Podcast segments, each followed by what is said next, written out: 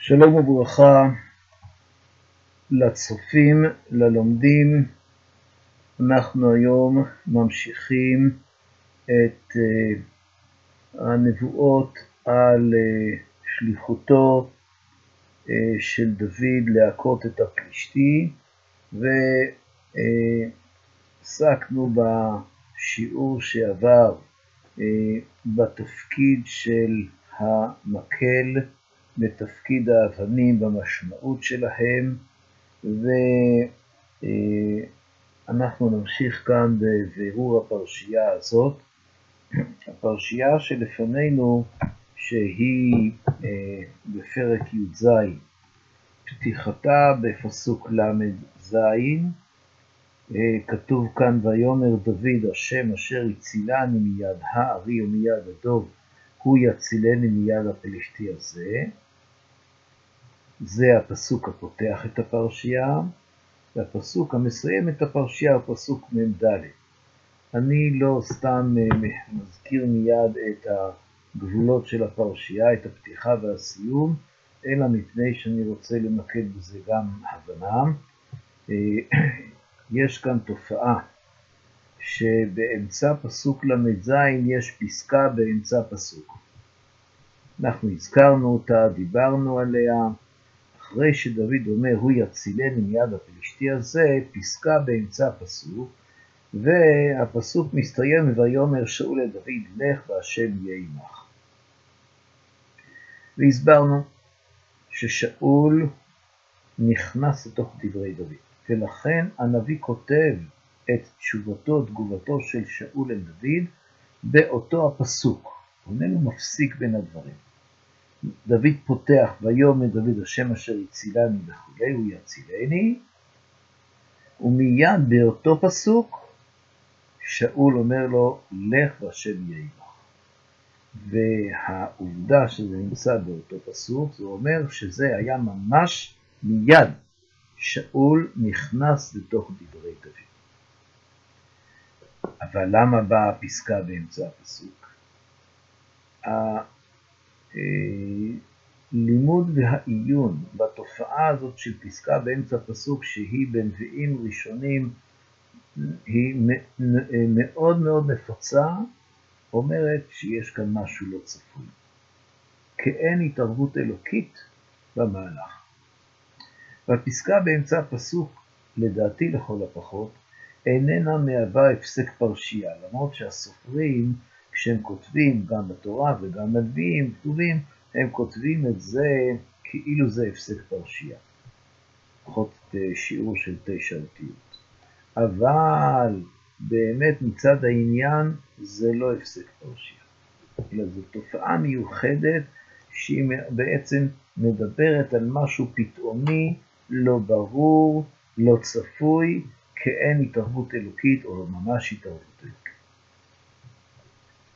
והזכרנו את העניין הזה בהקשר של, ה, אה, של הדיוני שבין, של השיחה בין דוד לבין שאול, ואני מעלה את זה עכשיו רק בהקשר הזה שבעצם הפרשייה מתחילה בפסוק ל"ז והיא מסתיימת בפסוק מ"ד.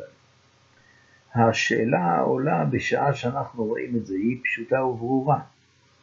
באמת, פסוק ל"ז, שהוא פרשייה, שהוא מתחיל את הפרשייה, הוא נחתך מהפסוקים הקודמים שבהם גם כן דיבר דוד ותיאר את מעשיו עם הארי והדוב.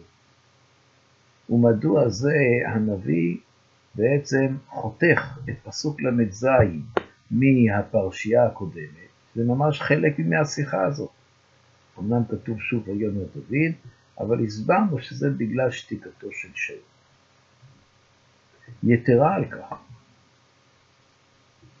ממילא כל ההמשך איננו עוסק אמנם בסיפור הארי והדוב, הוא מתחיל את העניין של שאול ודוד בסיפור המדהים.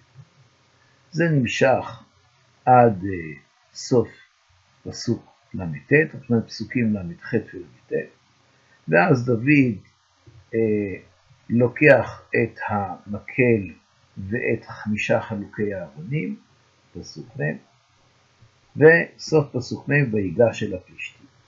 ואז מתחיל הנביא לספר את היחס המציאותי של המקום, מה, איפה נמצא הפלישתי, איפה נמצא דוד, יחס המרחק ביניהם, מפסוק מ"א למעשה עד סוף פסוק מ"ד זה היה. ואז בסוף פסוק מ"ד נפסקת פרשייה. אז, ואחר כך בפסוק מ"ה שוב ממשיך אה, תוך כדי התקרבות, תוך כדי מהלך התחלת הגישה להתנגשות בין, בין דוד לבין הפלישתי. שוב יש גם שיחה, דברים של דוד, דברים של הפלישתי, פסוקים מ"ה, מ"ו, מ"ז, ורק בפסוק מ"ח מתחיל התיאור המעשי, והיה כי קם הפלישתי וילך ויקרב לקראת דוד, וימהר דוד וירוץ המערכה לקראת הפלישתי. אז כאן מתחיל תיאור המעשה. אז שוב, הנביא, או כותב הספר, לכאורה, ספר שמואל, נכתב על ידי שמואל, עד המאורע שמספר על פטירתו, על מותו. שמואל, כשכותב את הספר, אומר שצריך להיות כאן הפסק פרשייה. אז הוא חותך את השיחה של דוד עם שאול, ולוקח משם פסוק אחד לענייננו, לפרשייה שלנו, מכניס את סיפור המדהים, מכניס את סיפור התחלת השיחה בין דוד לבין הפלישתי, וחותך שוב את השיחה שבין דוד לבין הפלישתי, חותך באמצע, שוב הפסק פרשייה. זה לא ברור, זה ממש מבחינה הגיונית, ממש לא, לא סביר. מה שקשור לזה גם כן הוא שסדר י"א, שגם את זה הזכרנו, סדר י"א, זאת אומרת סדר הקריאה של ספר שמואל, אז השבת האחת עשרה שבה למדו כל הקהל, קראו את ספר שמואל לפי סדר הקריאה של תורה, נביאים וכתובים. השבת האחת עשרה הייתה, זה היה הסדר. אז ואיפה הוא מתחיל? ושוב, בהתחלת הפרשייה שלנו, פסוק ל"ז. זאת בדיוק כשם שבעל הפרשיות חותך, גם בעל הסדרים מצטרף לעניין הזה. אבל זה לא בגלל הפרשייה, מפני שמחצית מהסדרים בנביאים ראשונים נחתכים לא בתחילת פרשייה או בסוף פרשייה. תוך שלושה פסוקים, אחרי שלושה פסוקים, יש איזה הסבר מיוחד, אינני רוצה להיכנס לזה, אבל כאן בעל הסדרים מחלק, באמת הוא מתחיל בפסוק למצע. אז יש לנו כאן שתי שאלות שאנחנו מציגים אותן בתחילת העניין. השאלה הראשונה, מדוע מסדר הפרשיות, אה, נניח שמואל הנביא, חותך את השיחה בין שאול לדוד, חותך את השיחה בין דוד לבין הפלישתי, מכניס באמצע את עניין המדים והופך את זה לפרשייה. זה ברור. וקשור לזה כמובן גם בעל הסדרים שמתייחס לפסוק ל"ז כפסוק שפותח ממש באמצע השיחה שבין שאול לבין דוד.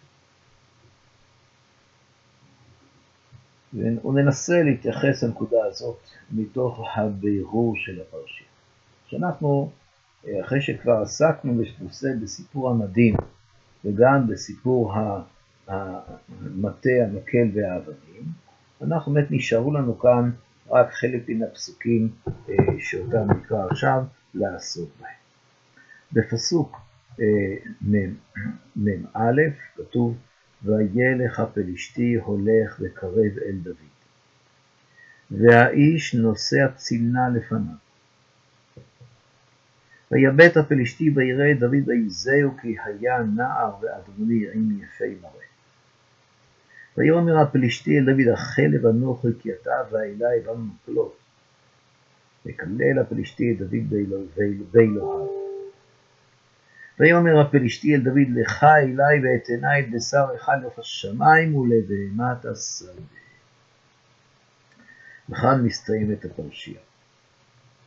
אז תחילה, וילך הפלישתי הולך לקרב אל דוד, זאת אומרת שהפלישתי כאן יוזם.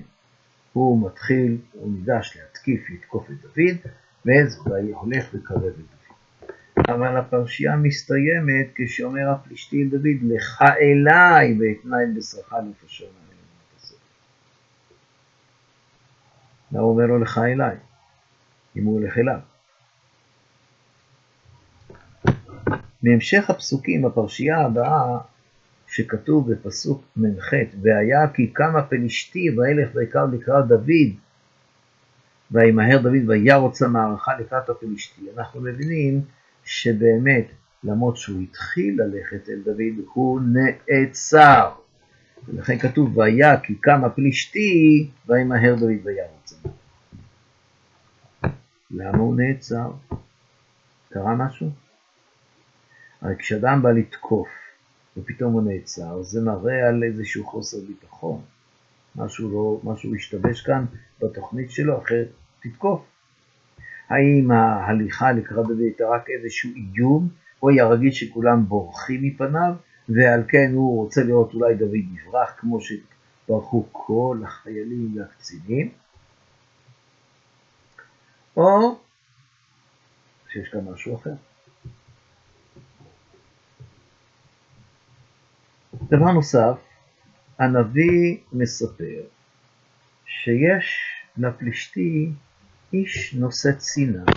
צינה זהו מגן גדול מאוד, משלושת כיוונים, שבעצם הוא מצליח באופן כזה להגן על הפלישתי. הפלישתי היו הלא כפי שמתואר בפסוקים שהיו, ואני חוזר לתחילת פרק י"ז. כתוב בפסוק ד' ויצא איש הביניים מנחנות פלישתים כל יד שמו מגת גובהו שש אמות וזרת. וכובע נחושת על ראשו, ושריון קשקשים ולבוש. משקל השריון חמשת אלפים שקלים נחושת, משקל רציני. גובהו שש אמות, זאת אומרת כשלושה מטר. אין אה, שחקן כדורסל כזה. ומצחת נחושת על רגליו, מגינה על רגליו, וחידון נחושת בין כתפיו, ועץ חניתו כמנור אורגים, ולהבת חניתו שש מאות שקלים ברזל, זאת רק להבת חניתו משקלה עצום, ונושא הצינה הולך לפניו. אם האיש הוא כל כך מפחיד. הוא איש מלחמה מסוכן. מה הוא צריך? גם שריון, לא סתם שריון, שריון קשקשים זאת אומרת שהוא לא לוח אחד אלא קליפות קליפות כמו קשקשים של דג, מפני שכנראה זו צורת הגנה שהיא יותר מתאימה לגוף. השריון לא מונח סתם כאיזושהי חתיכת ברזל שהיא מקשה על, התפקוד של האדם, היא, היא בנויה קצת בצורה מחולקת אה, לקשקשים שאיכשהו מחוברים ביניהם. הוא צריך גם איזשהו איש שיעמוד לפניו עם מגן. טוב, פשוט, הרי מכיוון שזה אה, איש שהוא הולך חופשי, אז יכולים להטיל בו חיצים מרחוק. טוב, יש לו ברזל מכל הצדדים. נכון, אבל בכל אופן יש לו פנים, יש לו עיניים. לא, אבל נושא הצינה הרי איננו שם את הצינה אל מול העיניים שלו, כי אז הוא יכול לראות. אז אם כך, אנחנו צריכים להבין שהאיש הזה, איש הברזל, כן, יש היום איזשהו מעמד כזה, איש ברזל. כנראה איש ברזל הוא דומה לפלישתי. במחילה להשוואה, יש משהו בעניין הזה. שאיש הברזל הזה הוא לא כל כך מוגן, או שאם הזכרנו קודם שעצירתו מראה על חוסר ביטחון, אז אה, אולי גם זה קשור, נושא הצינה לפניו. ומולו לא נער, דוד לא היה נער במובן, למרות שכך אה, קורא לו שאול, אה, אתה נער, כן? אבל בכל אופן, אה, דוד היה בן 27. בחישוב השנים שהרי בגיל 40 התחיל למלוך. אז אם כך, סליחה, בגיל 30 אה, התחיל למלוך, ו-40 שנה מלך על ישראל, גיל 70, ובגיל 27 פחות או יותר, שזהו הזמן של מלכות שאול, אז דוד נכנס למערכה מול הפלישתים. אז איש צעיר מול איש הברזל, מלא ברזל, מוקף ברזל, וגם עוד איזה איש קטן, שקטן במובן במירכאות, נושא הצילה לפניו. טוב, זה משהו, אה, מחזה, יכול להטיל אימה על מישהו, ויכול אה, להביא למחשבות, אה, להבנה של מה באמת המציאות, המשמעות של המציאות שרואים בעיניים דבר כזה. ואז כתוב, ויבט הפלישתי, ויראה את דוד ויבזהו, כי היה נער ואדמונים יפי מראה. חז"ל אומרים ויבזהו, הוא רצה אה, לשכב אותו משכב זכר. הוא חמד אותו, אדמונים יפה מראה. טוב, זה פלא? לא. אצל הפלישתים זה לא פלא. אנשים שהם אה, פורקי תאוות, זה סתם יכול הכל להיות. והוא חומד אותו למשכב זכר. ויבזהו, אז זה חייל. איש נחמד כזה, צעיר, יפה מאוד, יכול להיות משורר יפה, מנגן, מוזיקאי, אבל לא, הוא לא איש צעיר. ואז ויבט ויראה, מה זה ויבט ויראה? הוא מביט ואחר כך רואה. זאת אומרת, הסתכלות ראשונה, ואז הסתכלות שנייה, מה זה? ויבזהו. מה זה? איזה לוחם זה האיש הזה? קראטה. סוג של ג'ודו, משהו. ויאמר הפלשתי אל דוד, החלב אנוכי כי אתה ואלי במקלות. ואז הוא אומר, מה? אתה? לא מצאו לוחם אחר? במקל אתה בא אליי? יש לך מקל? עם מקלות אתה בא אליי? רוצה להכות אותי במקלות? ויקלל הפלישתי את דוד בלעו. אתה מבזה אותי. אם היה עומד לקראתי איזשהו לוחם רציני עם מדים ונשק, הייתי מטפל בו. אתה ג'וק, חיפושית.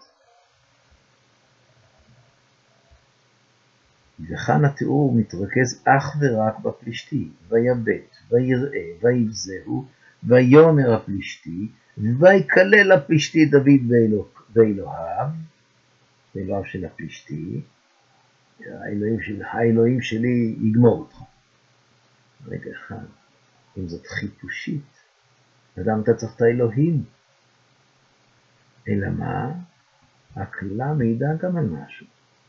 אתה אינך יכול לבטא את הכעס שלך באופן אחר, אפילו אם אתה תמחץ אותו, אז זה לא מספיק לבטא את הבושה, את מי שלחו להילחם בך, איזה חתיכת, איזה אה, בחור צעיר שלא עשה טירונות, גמר שמינית,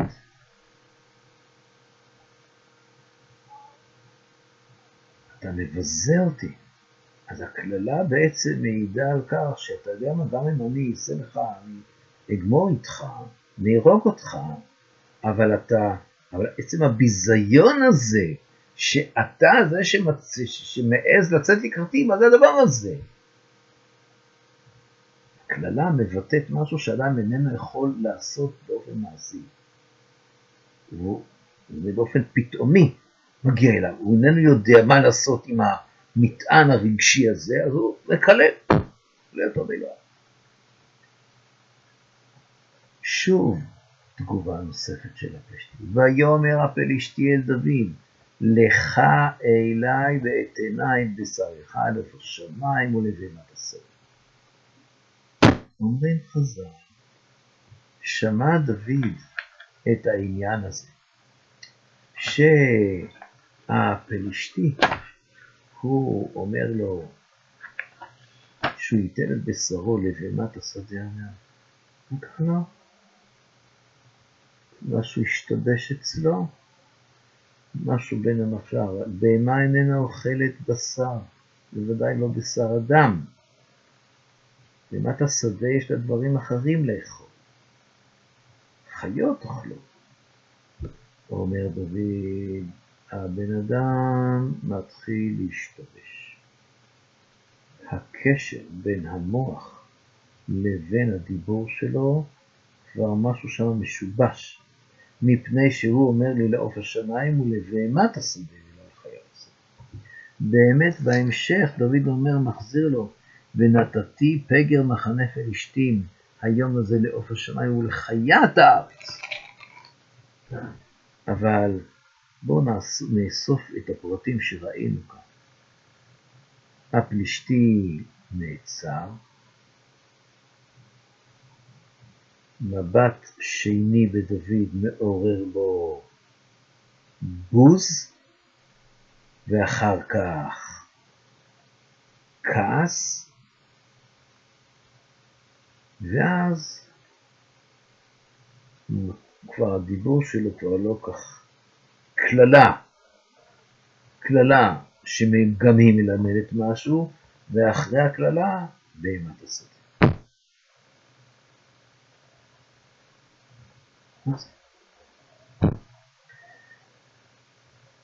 בעל המצודות אומר שדוד החזיק את המקל בידו בשביל להטעות את הפלישתים. הרי באמת הוא לא השתמש במקל בכלל. הוא השתמש בקלע ובחלוקי האבן. כל הסיפור של המקל, המדרש עשה מזה דבר, שליחות, שליחים, דברים גדולים, דיברנו על זה. אבל באופן מעשי, המקל אין לו שום תפקיד. אומר הבעל המצודות, הוא מבלבל את הפלישתי. כי הפלישתי אומר על זה, פתאום מדבר על מקלות אפילו, לא רק מקל, מה אני... אתה מנסה להכות לי במקל, כלב? כלב מגרשים במקל.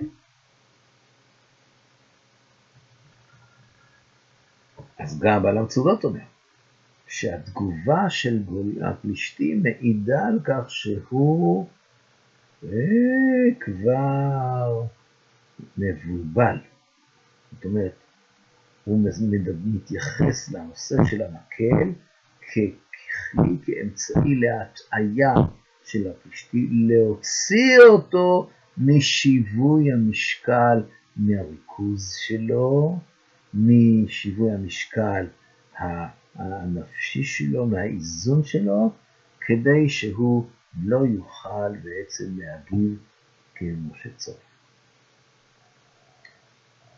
טוב. מכאן אני רוצה לחזור לשאלת הפרשייה. שמואל הנביא, חילקת את הפרשיות. התחלת הפרשייה, ויאמר דוד, השם אשר הצילני מיד הארי ומיד הדוב, הוא יצילני מיד הפלישתי הזה. סוף הפרשייה, אתה חתכת שם את השיחה בין שאול לדוד. לקחת את המשפט האחרון בשיחה המקדימה בין דוד לבין שאול, ואתה חותך אחר כך שוב את השיחה שבין המקדימה שבין אה, הפלישתי לבין דוד. מה אתה עושה? מה הכוונה? פתיחת פרשייה וסוף פרשייה הם תמיד נקודות מפתח להבין. הלא כך אומר מדרש ההלכה על ויקרא בתחילת הספר, הספרה, שלמה הקדוש ברוך הוא נתן רווח בין פרשייה לפרשייה, כדי שמשה רבנו יוכל להתבונן בין פרשה לפרשה. אם משה רבנו צריך להתבונן, אז גם אנחנו צריכים להתבונן.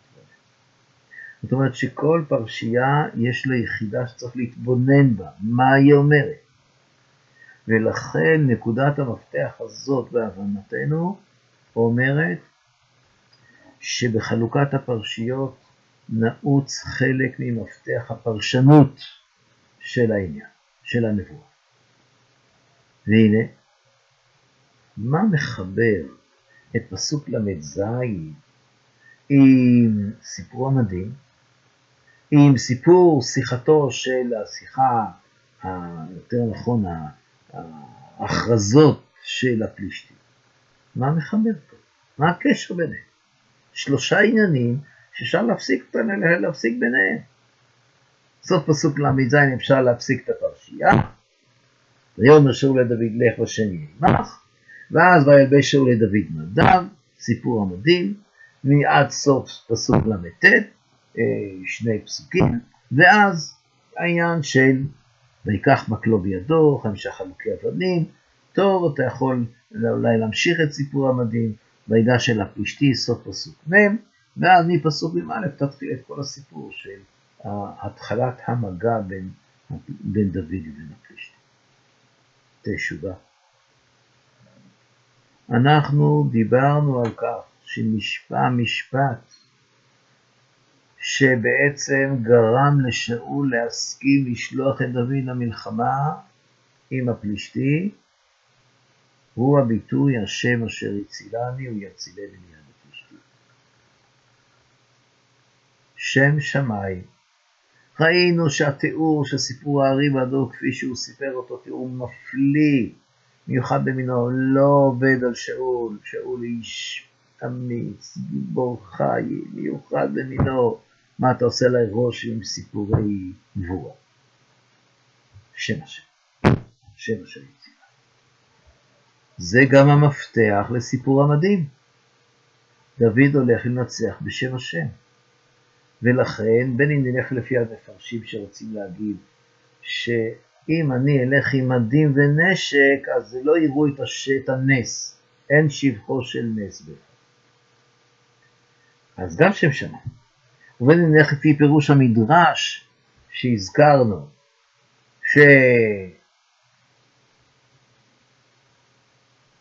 שהמדים של דוד, של שאול התאימו לדוד, שאול התאים בו עין רעה, דוד מסיר את המדים כי הוא לא רוצה את המדים, הוא לא רוצה עין רעה של המלך.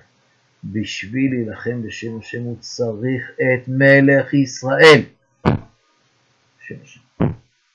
זה בעצם המשך הברכה של שאול. עכשיו הברכה ששוב כאילו מתערערת, לא, לא, לא, לא, לא, לא, לא, שם השם. וזהו הדבר שמבלבל את הפלישתי. הוא אינו יודע מה זאת מלחמה בשם השם. הוא לא מבין את המושג הזה. מלחמה בשם השם זה דבר לא ברור לו. מקלות איפה מדים? איפה חרב? מה? מקל. את הקלע הוא לא מזכיר, רעה, לא רעה, לא ברור. ובכן, זה מה שמבלבל את הפלישתים. וזה מה שהנביא רוצה להגיד לנו. דוד, אחרי כל מה שדיברנו, בשיעור הקודם על המטה שכרגע אומנם מכה, ועל חמישה חלוקי האבנים. הוא הולך למלחמה בשם השם, ואז לכן באופן הזה, זה מה שמפתיע את הפלישתי,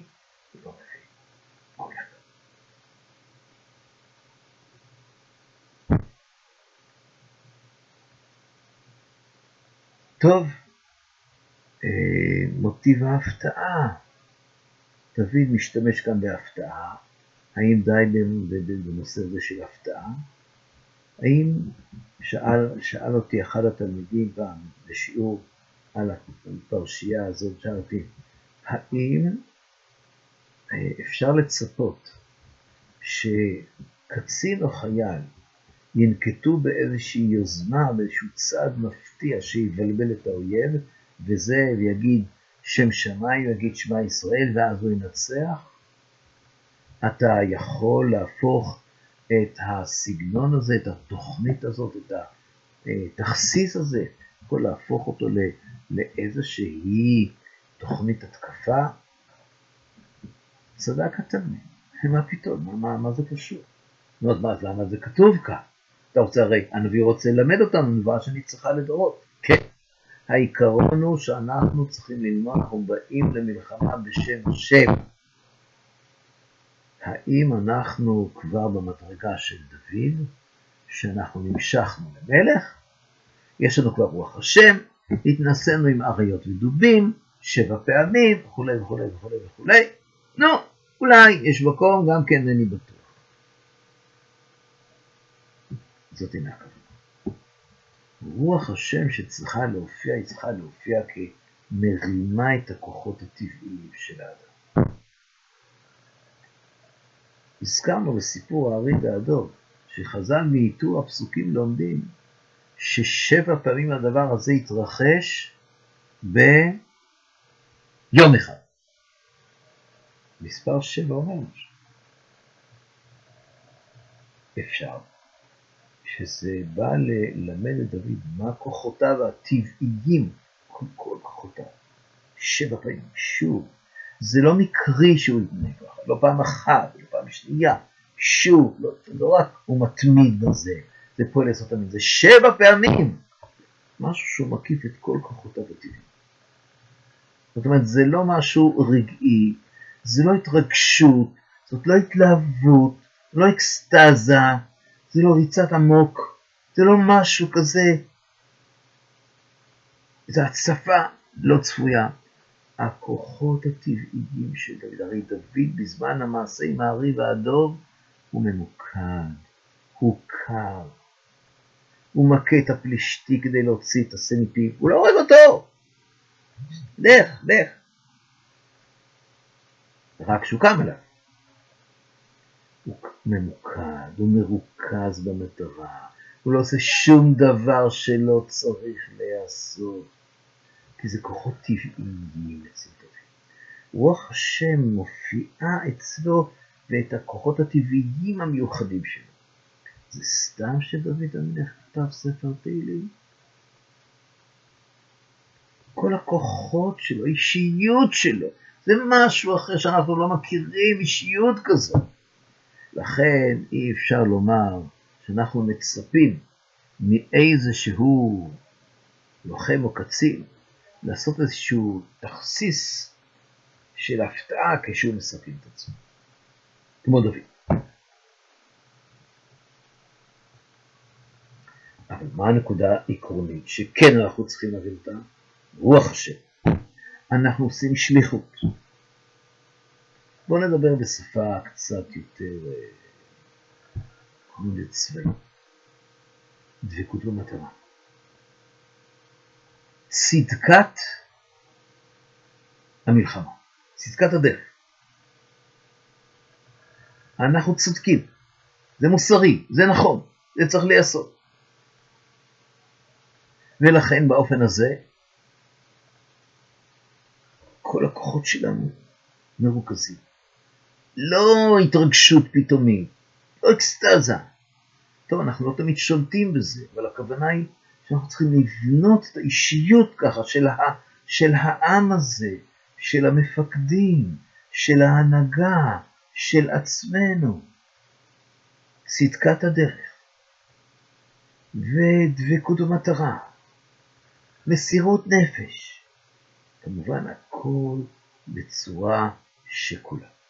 אנחנו לא דוד, ונפסיק לדמיין דמיונות, שנעשה איזשהו תכסיס, פתאום נעלה איזשהו בלון אדיר, גדול מאוד, מעל עזה, מעל איזושהי מפקדה שם, כולם יבהלו מה זה, יתחילו לראות, יצטרכו לשמיים, ובדיוק באותו זמן, אז תחדור אה, פלוגה של לוחמים מעולים, כולם מסתכלים למעלה ויורים למעלה, וזה לא רואים מה שקורה למטה. כן, כבר תכנן צבאי מעולה, משהו מיוחד. אה, כן. חלילה, רוח השם היא מופיעה אצל האדם לפי הכוחות שלו. ועל כן, אצל דוד ככה זה היה. אבל הצבא שלנו, הוא צריך להיות חדור בצדקת הדרך, בדבקות במטרה, בעמידה, במשימות קשות, מאמץ אדירים, מסירות נפש, וזה מתוך רוח השם. הוא איתנו, הוא איתנו, זה מוסרי, זה צודק, זה נכון, זה היה, זה קידוש השם. קידוש השם זה לא למות דווקא, קידוש השם זה לעשות הפעולות הנכונות. זה היה. על זה כאן הפלישתי מבולבל. באמת, את שאול זה שכנע, לך בהשם יהיה עמך, אבל הוא לא קלט כמה רוח השם יש אצל דוד, לא צריך מודיעין. אתה המלך. לא, לא, לא, לא, לא, לא. לא אוכל ללכת. גם שאול לא כל כך קולט מה זה. כי הייתה לו רוח השם, אבל הוא לא ראה מלך אחר שיש לו רוח השם, אולי יותר ממנו. והפלישתים ורוח השם. אחת המערכות בלבנון, אמר אחד הקצינים הבכירים שהיה אחראי על הניתוח של מהלכי הקרב, אמר כך, בדקנו את כל, המפגשים של מלחמה, מלחמת פנים אל פנים, מול המחבלים. בכולם החיילים שלנו גברו. זאת אומרת, לא היה מפגש אחד של פנים מול פנים שהחיילים שלנו לא הצליחו. לא שלא ברחו, שלא הצליחו. בכולם המחבלים נסוגו בסופו של דבר. הם לא עומדים ברוך השם, לא, לא במובן. כי זה בא מרוח השם, הם אינם מבינים את זה. הם שולחים מחבלים מתאבדים, הם מסננים אותם קודם. תופעה ידועה.